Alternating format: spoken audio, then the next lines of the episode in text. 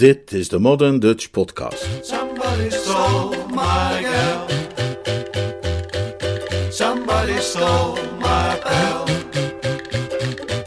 Somebody came and took her away. She didn't even say she was leaving. The kisses Over het noodlot. know so. He's Een verhaal van P.G. Woodhouse uit de bundel Young Men in Spats, vertaald en voorgelezen door Leonard girl.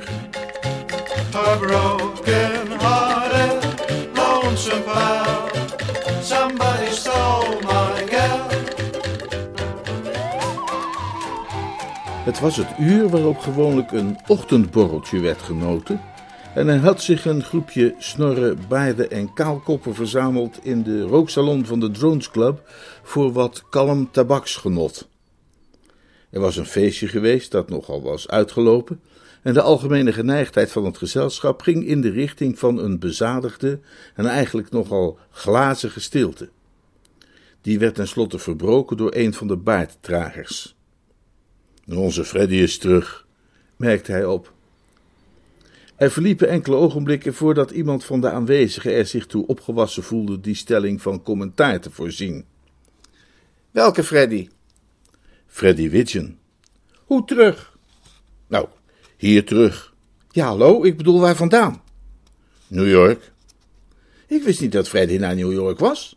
Nou, neem dat dan maar van mij aan. Hoe kon hij anders terug zijn gekomen? argumenteerde de baardmans. De snor overwoog die stelling. Ja, er zit wat in, gaf hij toe. Hoe heeft hij het gehad? Niet zo best. Hij is het meisje waar hij verliefd op was kwijtgeraakt. Nou, ik, ik wou dat ik een pond had voor alle meisjes waar Freddy verliefd op is geweest en die, die is kwijtgeraakt. Als, ik- als, als ik die had, hoefde ik geen vijfje van jou te lenen. Dat krijg je ook niet, zei de baardmans. De snor fronste zijn voorhoofd.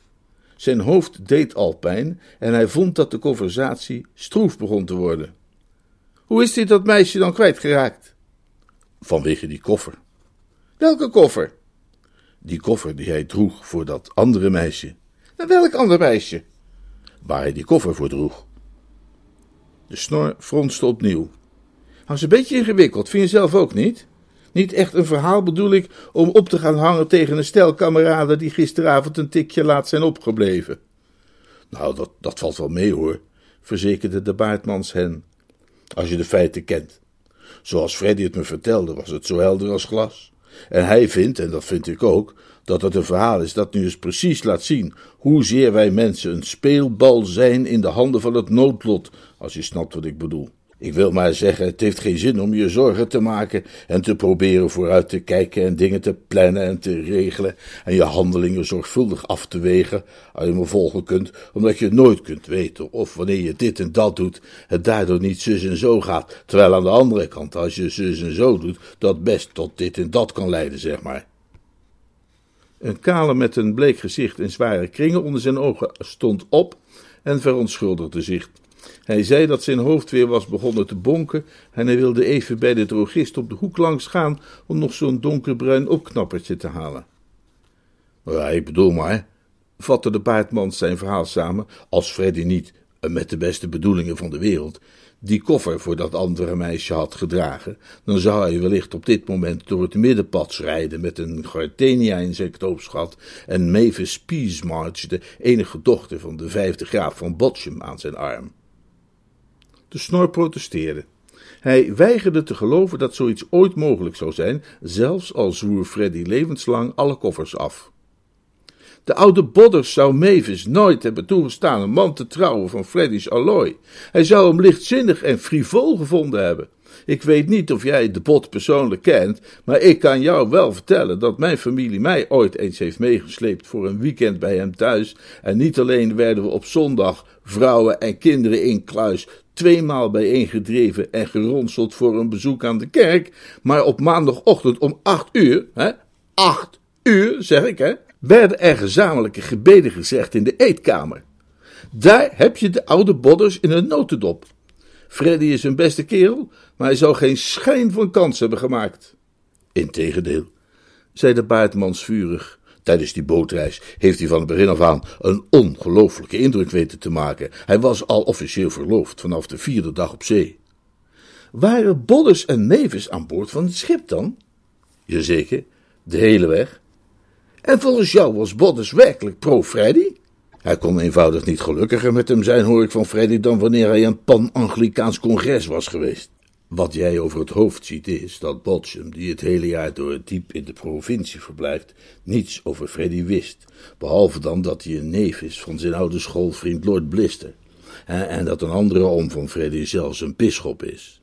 Die lijn heeft hij natuurlijk doorgetrokken, en daarom beschouwde hij Freddy als een wonderkerel. De snor keek geschokt, maar toch nog niet helemaal overtuigd. En Mavis dan? Wat is het met haar? Nou, ik zou gedacht hebben dat Freddy wel de laatste figuur was waar ze het mee zou willen aanleggen. Ik heb haar daar op Peace March in actie gezien. En je kunt rustig van mij aannemen dat ze er niet bepaald een van gestampte pot is. Je hoeft dat natuurlijk niet verder te vertellen en zo, maar dat kind, dat weet ik zeker, bespeelt het orgel in de kerk daar en vaak genoeg zie je haar op weg naar nooddruftige dorpelingen met soep en goede woorden. De baardmans had daar ook zijn antwoord op klaar. Zij wist ook niets van Freddy. Zijn rustige, vrome manier van doen beviel haar en ze schatte hem in als iemand die echt een ziel had. Hoe dan ook, ik kan je verzekeren dat het allemaal liep als een trein. Geholpen door het feit dat de zee kalm was en dat er iedere avond een glanzende maan scheen, wist onze Freddy de buit binnen te halen om tien uur vijfenveertig op de vierde dag van de reis. En toen hij de volgende ochtend de oude Botchum meedeelde dat hij thans een zoon had tot troost in zijn ouderdom, klonk er geen enkele valse toon. De oude heer zei dat hij zich geen betere echtgenoot voor zijn dochter had kunnen wensen dan een betrouwbare, eerbiedwaardige jongeling als Freddy, en ze kwamen tenslotte in New York aan als één grote gelukkige familie. Het enige dat Freddy wat minder positief vond in New York, vertelde hij me, was het feit dat de bevolking, te oordelen naar wat er in de dagbladen stond, niet zo'n stralend gelukkig liefdesleven had als hij zelf.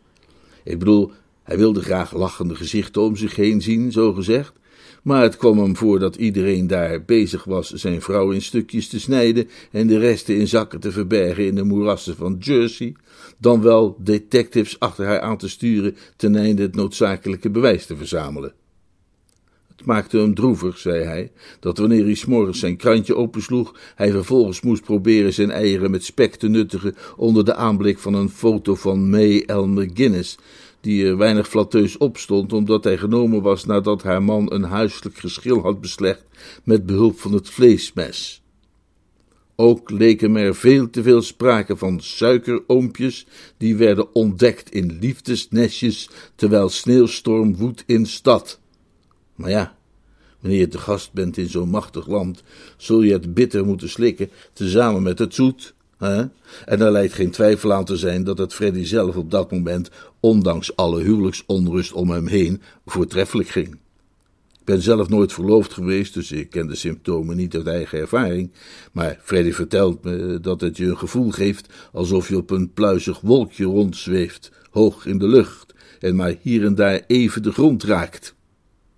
De meeste tijd, zegt hij, fladderde hij maar wat rond boven New York als met vleugels, maar soms landde hij even en kwam een beetje uit de etherische sfeer, en bij een van die zeldzame gelegenheden merkte hij dat hij zich in de buurt van de 72ste straat bevond, ergens aan de westkant van het park. En vlak voor hem liep een meisje te zeulen met een enorm zware koffer. Tja, nu zou ik graag willen dat je me even heel precies volgt. Dit is namelijk waar Freddy onderuit gaat, dan wel overeind blijft. Hij heeft me zijn verhaal met de grootst mogelijke openheid verteld, en wat mij betreft, ik durf met een gerust hart te zeggen, dat ik hem beschouw als de onschuld zelf, en dat zijn beweegredenen volkomen zuiver waren.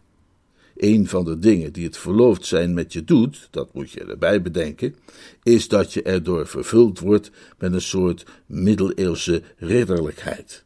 Ja, dat hoor ik althans hè, van Freddy. Je gaat ervan rondlopen als een soort padvinder en op voorbijgangers afspringen om goede daden voor ze te doen.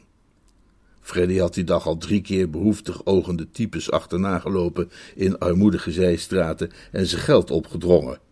Hij had al vier kleine jongens over hun bol geaaid en gezegd dat ze, als ze goed hun best deden, president konden worden van dit land.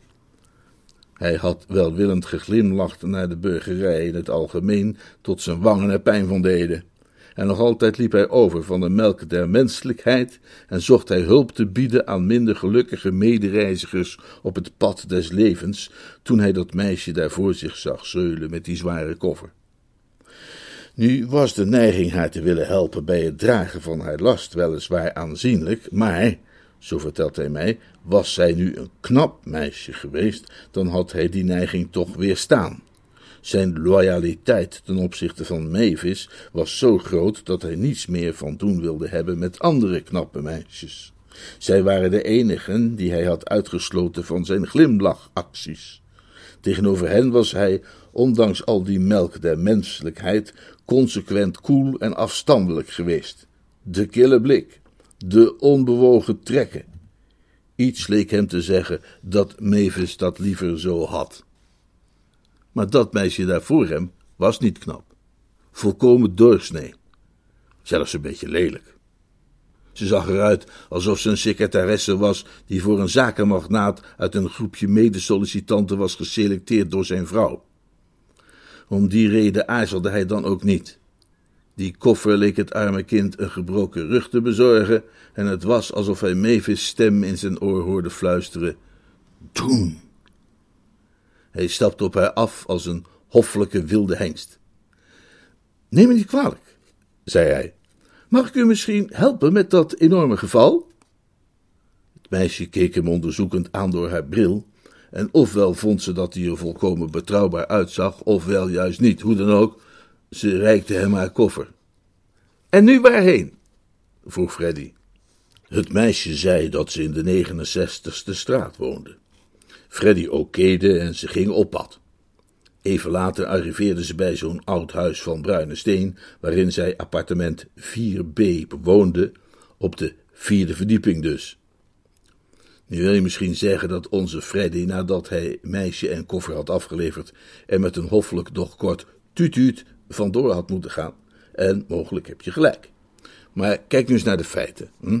Voor dat appartement moest je, zoals ik al aanduidde, vier trappen op. Er was geen lift, dus hij had al die trappen ook echt moeten beklimmen. En het was een warme dag.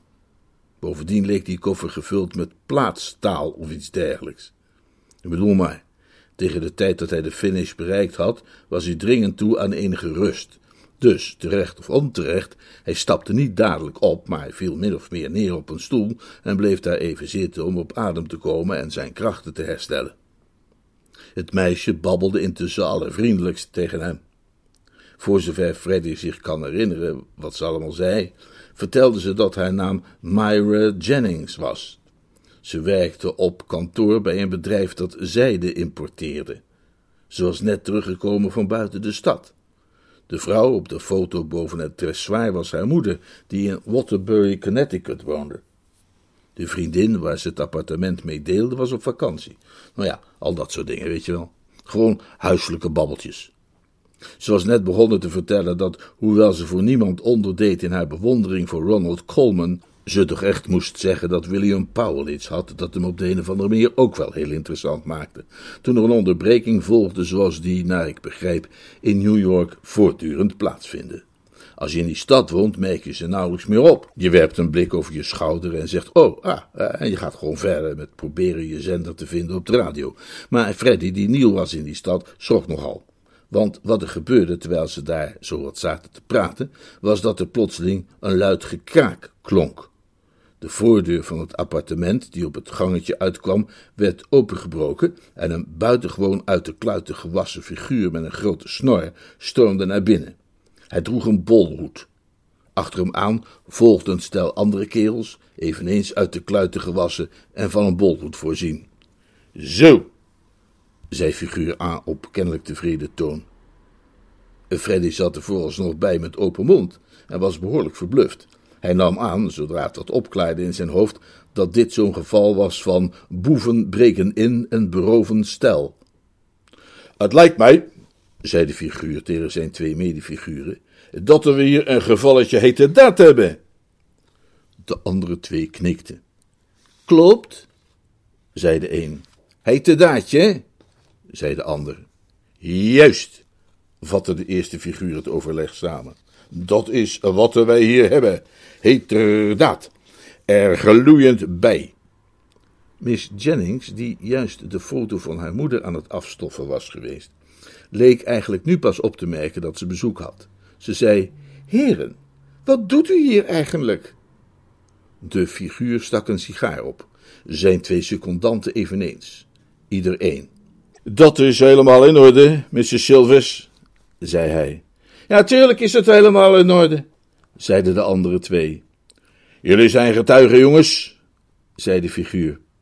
Tuurlijk zijn wij getuigen, zeiden de andere twee. Jullie kennen getuigen dat wij Mrs. Silvers alleen hebben aangetroffen in haar appartement, in gezelschap van deze halve rare bolle kop. Tuurlijk kennen wij getuigen dat we Mrs. Silvers alleen hebben aangetroffen in haar appartement, in gezelschap van deze halve rare met zijn bolle kop. Dat is dan in orde, zei de figuur tevreden. Dat is alles wat haar echtgenoot zal willen weten. Dat maakt er een hete daadje van. Nu pas werd Freddy er zich met een doffe schok van bewust dat die kerels niet, zoals hij gedacht had, een stel overvallers waren, maar detectives. Dat had hij natuurlijk van begin af aan moeten beseffen, zei hij tegen me, vanwege die bolhoeden. Wat hem in de war had gebracht was dat ze in het begin nog geen sigaren rookten. Toen ze die sigaren opstaken, vielen hem evenwel de schellen van de ogen. Hij moest even slikken. Hij moest zelfs nog wat langer slikken. Hij besefte nu waar zijn misplaatste middeleeuwse ridderlijkheid hem in terecht had doen komen. In de puree, om precies te zijn.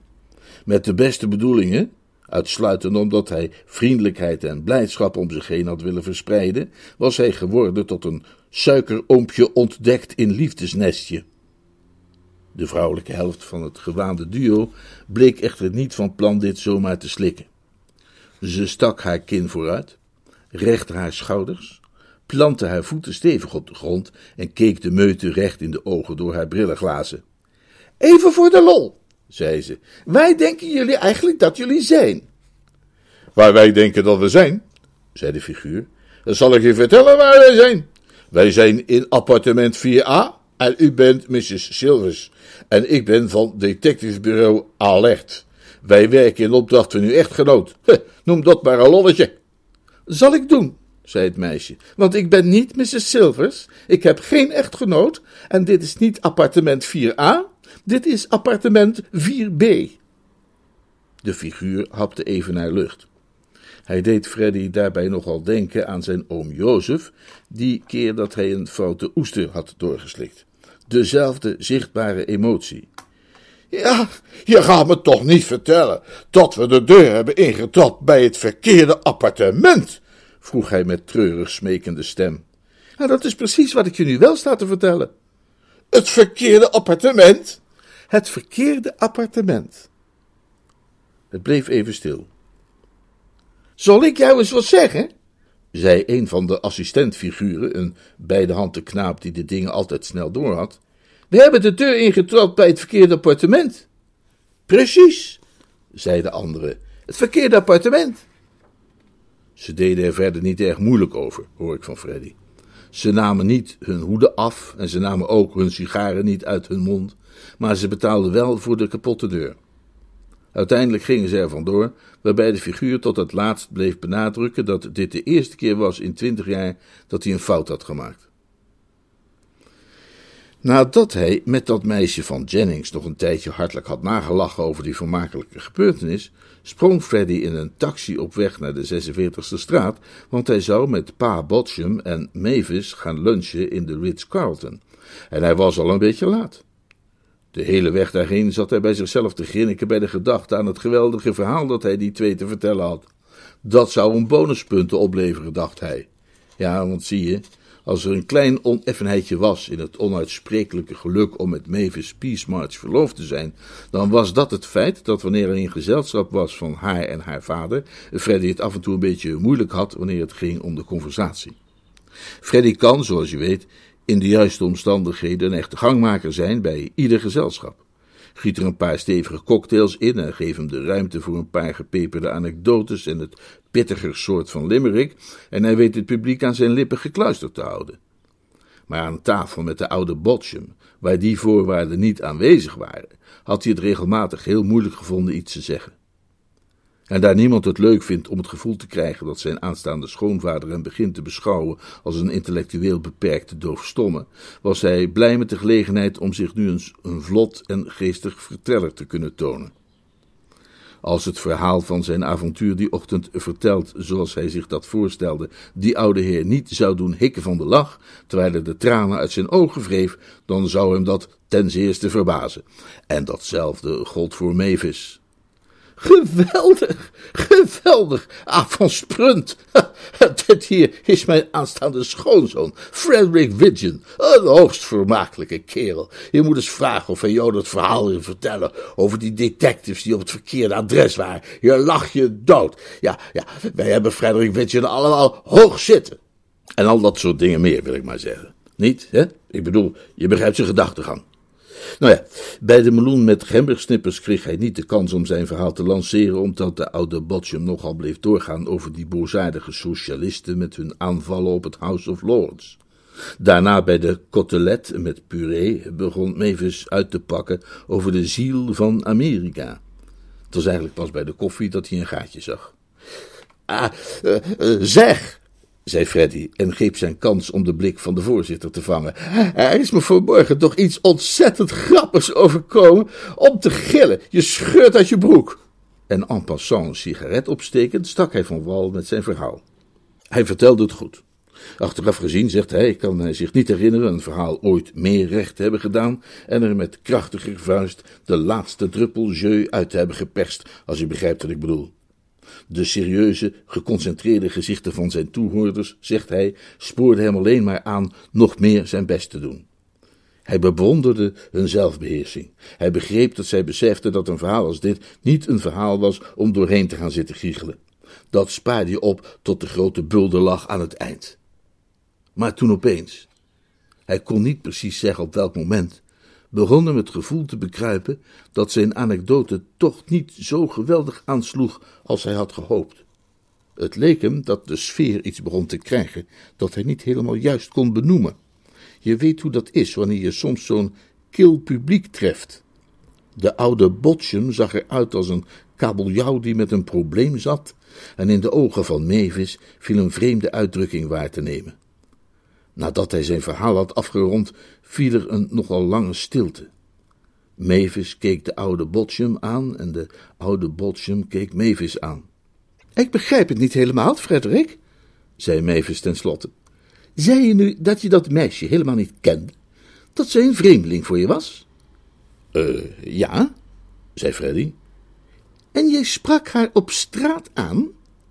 Uh, ja, zei Freddy. Oh, zei Mavis.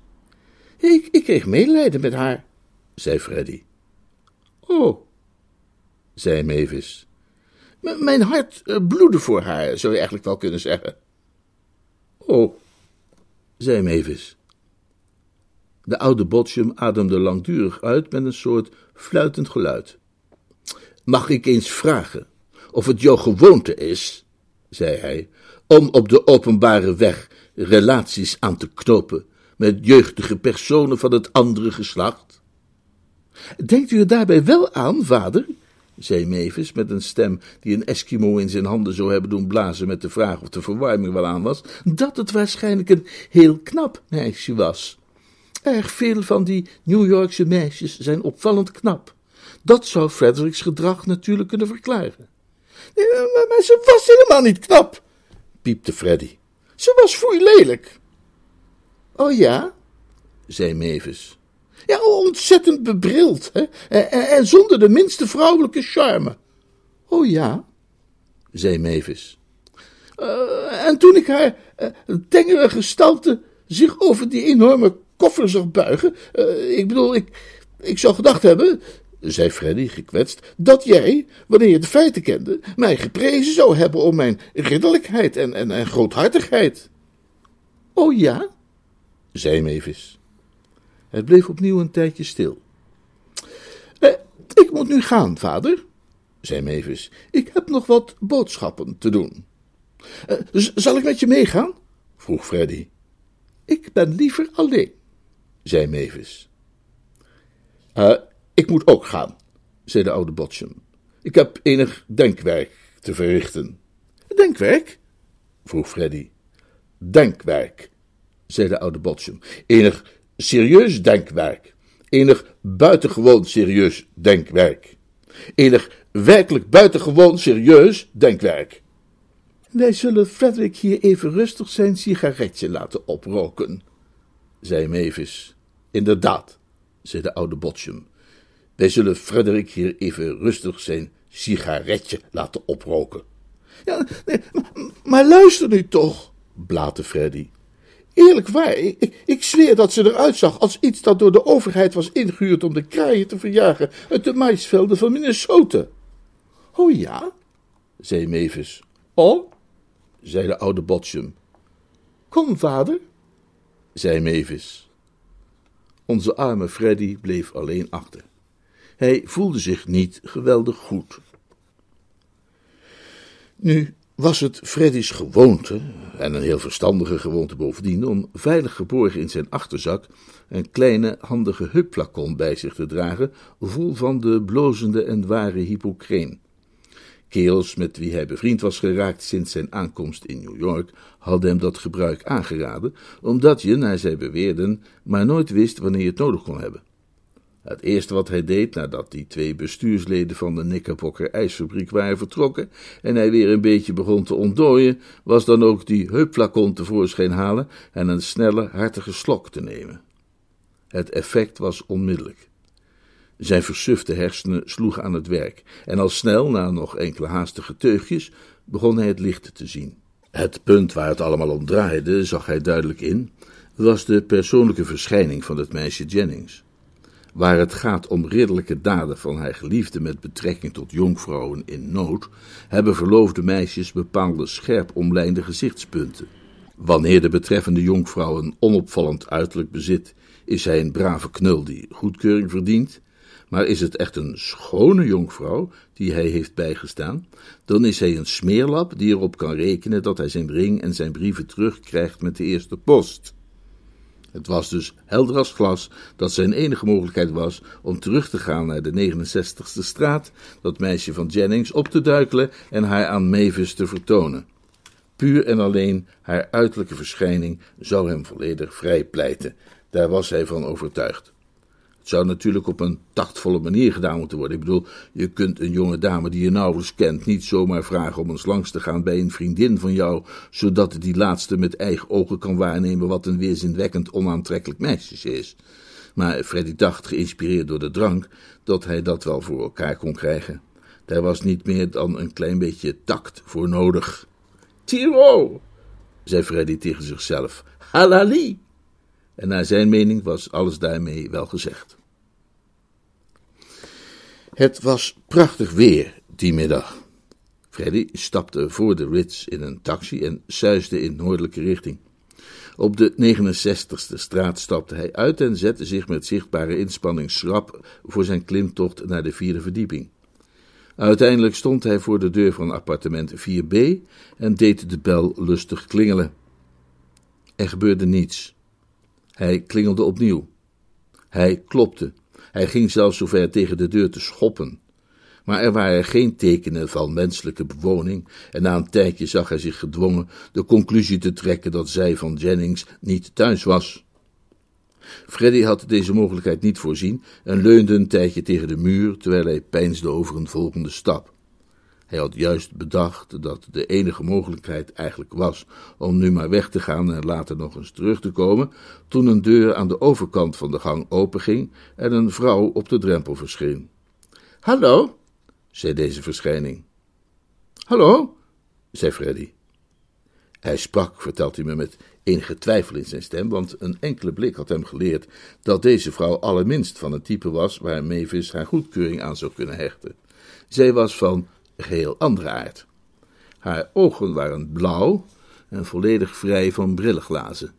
Haar tanden waren glanzend wit en egaal, en zij had prachtig gouden haar.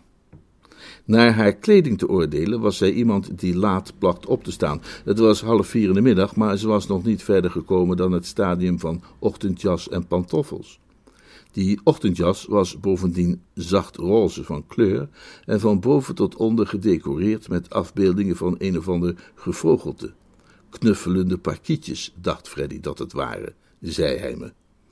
Een man die verloofd is, maar die het om zo te zeggen al enigszins verbruid heeft uh, bij de aanstaande bruid, uh, schrikt automatisch terug van blauwogige vrouwen met prachtig gouden haar in roze ochtendjassen vol hemelsblauwe knuffelparkietjes. Maar ja, een mens moet ook beleefd blijven. Dus na zijn hallo produceerde hij voor de goede orde ook nog een gereserveerde, uh, welgemanierde glimlach. Hij verzekerde me dat het enkel zo'n afstandelijk glimlachje was als een bestuurslid van een zondagsschool gegeven zou hebben aan de oudere tante van een veelbelovende leerling. Het effect ervan was echter dat de draagster van het negligé zich aangemoedigd voelde tot nadere conversatie. Zoekt u iemand? vroeg ze. Uh, ja, zei Freddy. U kunt me zeker niet zeggen wanneer Miss Jennings weer thuis is? Miss wie? Jennings. Hoe zegt u? Jennings. Hoe schrijf je dat? Oh, nou, op de gewone manier neem ik aan, met de hoofdletter J en dan daarna een heleboel N's en G's en dat soort dingen. Miss Jennings, zei u? Precies, Jennings. Nou, ik zal u één ding vertellen, zei de vrouw openhartig. Ik heb hier nog nooit een Miss Jennings gezien. Ik heb ook nog nooit van een Miss Jennings gehoord. Ik weet niet wie dat is. Ze speelt letterlijk geen enkele rol in mijn leven. Maar ik zal u nog eens wat vertellen. Ik sta al een half uur mijn rug te bederven met te proberen het raam in mijn woonkamer open te zetten. Maar denkt u dat het me lukt? Nee, meneer. Wat zou u daarvan zeggen? Uh, dicht laten, zei Freddy. Maar het is zo warm. Met dat weer bedoel ik. Uh, uh, het is heel warm, ja, stemde Freddy met haar in. Ik heb het smoor heet. Ja, meneer, ik smoor bekend, zo heet heb ik het. Op dat punt in het gesprek had onze Freddy zonder meer moeten zeggen: Goh, of nou het beste ermee, of iets in die orde van grootte en er vandoor moeten gaan. Maar als je eenmaal de gewoonte hebt om goede daden te doen, hoor ik van hem, is het bliksems moeilijk om er een te laten zitten. Het wordt gewoon een tweede natuur. Dus, in plaats van op te stappen, deed hij nog maar eens zo'n gladde glimlach en vroeg hij of hij misschien behulpzaam kon zijn. Nou ja, ik, ik wil u niet graag lastigvallen.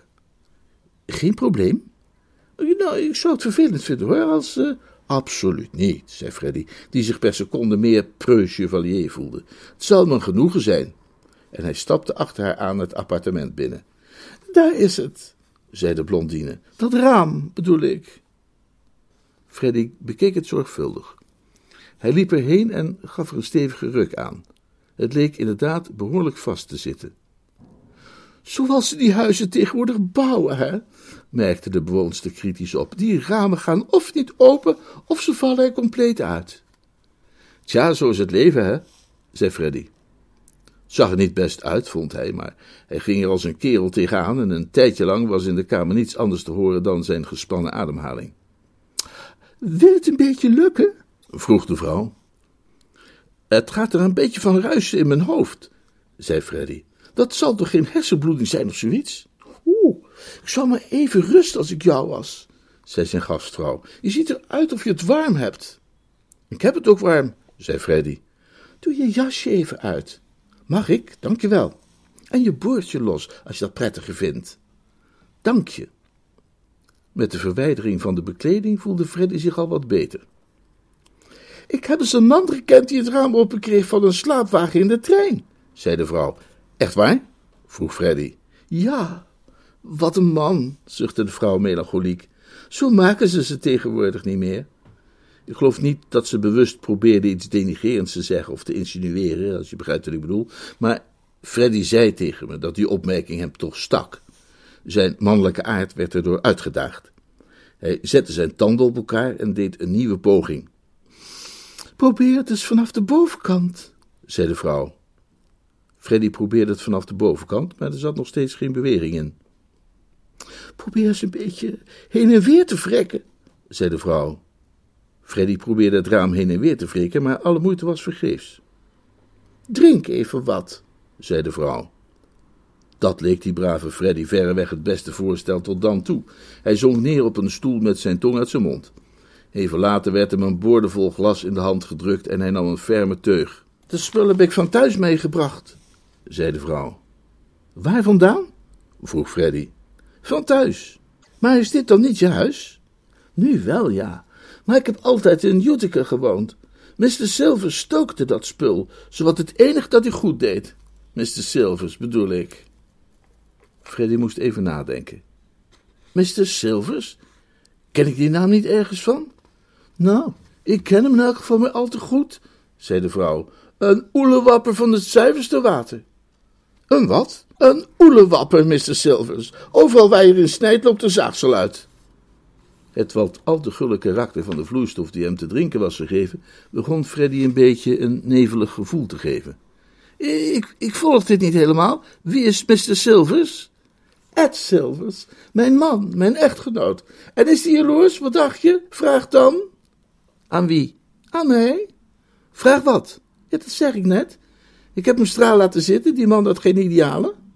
Wie niet? Mr. Silvers niet. Je echtgenoot. Precies. Oké, zei Freddy. Dan hebben we dat in elk geval duidelijk. Hij nam nog een teug. Het drankje dat Mr. Silvers had gefabriceerd was kennelijk vervaardigd op basis van pure vitriol, maar als je er eenmaal aan gewend was dat het bovenste stuk van je schedel op en neer klepperde als het deksel op een pan kokend water, was de uitwerking ervan verre van onaangenaam. Mr. Silvers mocht dan geen idealen hebben gehad, hij wist ontegenzeggelijk wat hij doen moest met een destilleerketel en een zak aardappels. Hij heeft me erg ongelukkig gemaakt, zei de vrouw. Wie? Mr. Silvers. Heeft Mr. Silvers jou ongelukkig gemaakt? Dan dank je de koekoek dat Mr. Silvers mij ongelukkig heeft gemaakt met die lage verdenkingen van hem. Freddy was geschokt. Koesterde Mr. Silvers lage verdenkingen? En of hij dat deed. Mr. Ed Silvers? Precies. Dat heeft jou vast heel ongelukkig gemaakt. Een waar woord. Het kan niet waarder. Jij arm, arm kind, zei Freddy. Jij arme kleine Mrs. Silvers. Mrs. Ed Silvers. Jij arme kleine Mrs. Ed Silvers. Ik heb van mijn hele leven nog niet zoiets monsterlijks gehoord. Zal ik je hand vasthouden? Vind je dat goed? Daar kun je je lila slopkous zonder verwennen dat jij mijn hand mag vasthouden. Zal ik doen, zei Freddy en greep haar hand. Hij ging zelfs nog verder. Hij kneep zachtjes in die hand. Zijn hele houding tegenover haar, vertelt hij mij, was die van een broer tegenover een zuster die het zwaar heeft. En op dat moment vloog de deur open en kwamen er een paar enorme objecten naar binnen getuimeld. Zonder de geringste waarschuwing vooraf was plotseling de hele lucht vervuld met bolhoeden. Freddy staarde ernaar en werd overvallen door een vreemd gevoel. Je kent dat gevoel wel dat je soms krijgt? Het gevoel alsof iets wat gebeurt alles eerder is gebeurd. Ik geloof dat artsen dat verschijnsel verklaren door te zeggen dat de twee hersenhelften niet helemaal gelijke pas houden of iets in die geest. Hoe dan ook, zo voelde Freddy zich op dat moment. Hij had het gevoel dat hij die bolhoeden alles eerder gezien had. Misschien in een eerder leven. Hé hey daar, zei hij, krijgen, krijgen we een zoek? Maar toen leek het opeens weer helder te worden in zijn hersens. De twee helften klikten weer op elkaar of zoiets. En hij herkende de figuur die die ochtend zijn tête-à-tête met Miss Myra Jennings had verstoord. De laatste keer dat Freddy deze figuur had gezien, was die in volstrekte verwarring geweest. Je zult je zijn consternatie herinneren. Ditmaal zag hij er een stuk vrolijker uit. Hij oogde helemaal als een kerel met een bolhoed die het zich gestelde doel definitief heeft bereikt. We zijn binnen, jongens, zei hij. De twee ondergeschikte figuren gaven ieder een kort knikje. Een van hen zei: Klopt, we zijn binnen. En de andere zei: Voor elkaar. De opperfiguur bestudeerde Freddy zorgvuldig. Nou zul je het hebben, riep hij uit. Jij weer. Jongens, zei hij, en er klonk iets van respect in zijn stem. Bekijk die kerel maar eens goed. Wijd hem een eerbiedige blik. Er is niemand die sneller werkt in New York dan hij. Razendsnel flitst hij van de ene naar de andere plek. Je kan nergens komen of hij is er al. En hij heeft niet eens een fiets. Freddy zag in dat het tijd werd om zich in zijn volle lengte op te richten en die kerels eens goed op hun plaats te zetten. Dat probeerde hij dan ook, maar er was iets in hem dat het belemmerde. Uh, laat me e- even uitleggen, zei hij. De figuur grijnsde schimpend. Wilde jij weer gaan beweren dat we in het verkeerde appartement zijn? Uh, antwoord erop, zei Freddy, is ja en nee.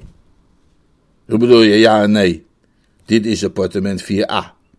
Klopt, zei Freddy. Geef ik toe, het is inderdaad appartement 4a. Maar ik verzeker je op mijn woord als heer en als Engelsman dat deze dame volstrekte vreemdeling voor mij is. Een vreemdeling. Een volstrekte, absolute vreemdeling. Oh ja, zei de figuur. En waarom zit ze dan bij jou op schoot? En met stomme verbazing moest Freddy constateren dat zulks inderdaad het geval was. Op welk moment tijdens hun conversatie dat was gebeurd, zou hij niet hebben kunnen zeggen. Maar Mrs. Ed Silvers had onmiskenbaar op de genoemde plek plaatsgenomen. Dat was ook, begreep hij nu, wat hem even tevoren verhinderd had zich in zijn volle lengte op te richten. Grote, grote, zei hij. Hoe staat het? daar zit ze inderdaad. Absoluut. Nou, nou, zei Freddy. Nou, nou, nou. Hij was sprakeloos van verbazing en dat zei hij ook. Mrs. Silvers nam het woord. Luister, zei ze. Ik zweer bij God dat ik deze man nog nooit eerder heb gezien. En wat doet hij dan hier? Het raam voor me openzetten. Het raam is dicht? Ja, dat weet ik ook wel. Hm, het is het een of het ander. En volgens mij is het het ander. Wat jullie jongens? Precies, zei een van de jongens. Aha, bevestigde nummer twee. De figuur keek Mrs. Silver ernstig aan. Je zou ze moeten schamen, dame, zei hij. Dat soort dingen. Schokkend vind ik het. Ik voel mij geschokt, niet te weinig. En de jongens hier voelen zich ook geschokt. Freddy kon nu opstaan, want Mrs. Silvers had inmiddels een ander plekje gekozen. Hij richtte zich dan ook eindelijk inderdaad in zijn volle lengte op en zou vernietigend op de figuur hebben neergekeken wanneer die niet toevallig zo'n tien centimeter langer was geweest dan hij. Jij tast de eerzame reputatie aan van een vrouw, zei hij. Hè? Probeer het maar niet te ontkennen, zei Freddy. Hij wierp hem een laatdunkende blik toe. Jij tast de eerzame reputatie aan van een vrouw. En wat nog erger maakt, jij doet het met een bolhoed op. Zet af die hoed, zei Freddy. De figuur staarde hem wezenloos aan. Hij stond waarschijnlijk op het punt om uit te gaan leggen dat detectives hun hoeden niet afzetten, toen Freddy, heel onverstandig naar mijn oordeel, hem een dreun op zijn rechteroog gaf. Een van de fraaiste dreunen die je kunt voorstellen, overigens. Daarna, heeft Freddy me verteld, werd alles een beetje chaotisch. Hij weet nog wel dat hij erg zijn best heeft gedaan, maar hij moet op een of andere manier het onderspit hebben gedolven, want enige tijd later realiseerde hij zich dat hij in een gevangeniscel was terechtgekomen en dat een van zijn oren was opgezwollen tot de proporties van een middelgrote bloemkool. Ook had hij een blauw oog en kennelijk een bijenzwerm in zijn hoofd. En nauwelijks had hij de volgende ochtend zijn 50 dollar overhandigd aan de betreffende medewerker van het Hof, toen hij buitengekomen en na aanschaffen van een krant ontdekte dat de gebeurtenissen van de vorige middag een halve kolom vulden op de pagina's van het dagblad waarvan hij wist dat de oude Botje met altijd las tijdens het nuttigen van zijn kopje Java thee en zijn zachtgekookt eitje in de ochtend. En als om te tonen hoe overstuur die arme jongen geweest moet zijn, had Freddy niet eens de basale voorzorg genomen een valse naam op te geven. Hij was zelfs zo ver gegaan de instanties zijn tweede voornaam te onthullen, die tussen haakjes, hoewel we hem dat verder niet kunnen aanrekenen, Fungi luidt. Nou ja, dat betekende natuurlijk het einde. Terecht of ten onrechte besloot Freddy niet te wachten op de definitieve uitslag. Hij voer diezelfde avond een boot terug naar Engeland en hij maakte dat hij aan boord kwam zonder er zich in een persoonlijk gesprek van op de hoogte te stellen hoe Mavis en de oude Boltium reageerden op de hele geschiedenis. Hij bezit een sterk intuïtieve persoonlijkheid, Freddy, en meende dat hij dat wel raden kon. Nu is hij hier dus terug en nogal chagrijnig en verbitterd, moet ik zeggen. Ik heb hem vanmorgen een paar behoorlijk krasse opmerkingen horen maken over het verschijnsel vrouw. Een paar bijzonder krasse opmerkingen. Ook weet ik toevallig dat er toen de boot aanlegde in Southampton een buitengewoon knap meisje naast hem stond dat op een gegeven moment haar tasje liet vallen. Maar in plaats van haar te hulp te schieten, sloeg Freddy eenvoudig zijn armen over elkaar en keek de andere kant uit, met een sombere frons op zijn gezicht. Hij zegt dat jonkvrouwen in nood van nu af aan maar elders naar klandizie moeten zoeken, omdat hij zich volledig uit dat soort aangelegenheden heeft teruggetrokken. En die informatie, zegt hij tegen me, kan niet wijd genoeg worden verspreid.